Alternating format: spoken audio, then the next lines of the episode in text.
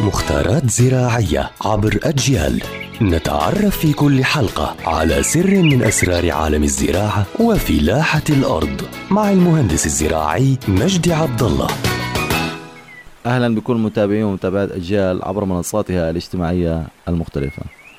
معكم المهندس الزراعي مجدي عبد الله. رح نحكي اليوم عن أمراض وحشرات بتصيب الزيتون ولازم يعني نحمي الزيتون بما انها شجرة مباركة وشجرة مثمرة وبتعطينا إنتاجية لازم نحميها من هاي الأمراض وهاي الحشرات. منها حشرة الزيتون القطنية أو بسيلا الزيتون. طبعا موعد ظهورها هي بتظهر في الربيع غالبا في شهر نيسان لإبريل لما ترتفع درجة الحرارة. وتنشط الحشرة وتبدأ الأنثى بوضع البيض على الأغصان القريبة من الإزهار طبعا انتشارها تنتشر في درجة الحرارة ما بين 27 تقريبا وفوق ولها ثلاث أجيال في العام.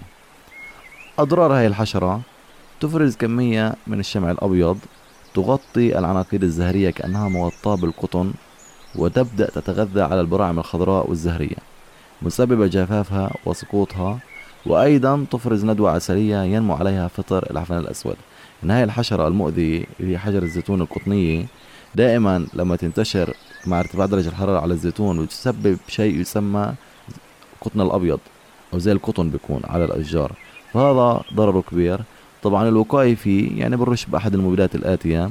منها المبيدات البايرثرويدية منها الروجر منها الفيرتيمك. طبعا الروجر بمعدل سنتي ونص للتر الفيرتيمك معدل نص سنتي للتر طبعا ودائما نصيحة يا إخوان دائما زي ما حكيت لكم رشوا الأدوية الوقائية. يعني ما تستنى أنت دائما فشجرة تنصاب لأن الشجرة انصابت سواء الزيتون أو غيرها بدك ترش من رشتين لثلاث رشات بين كل رشة والثاني أسبوع لأسبوعين. فدائما أنت لا أنا برش وقاية ضد الأمراض المتعارف عليها في بلادنا.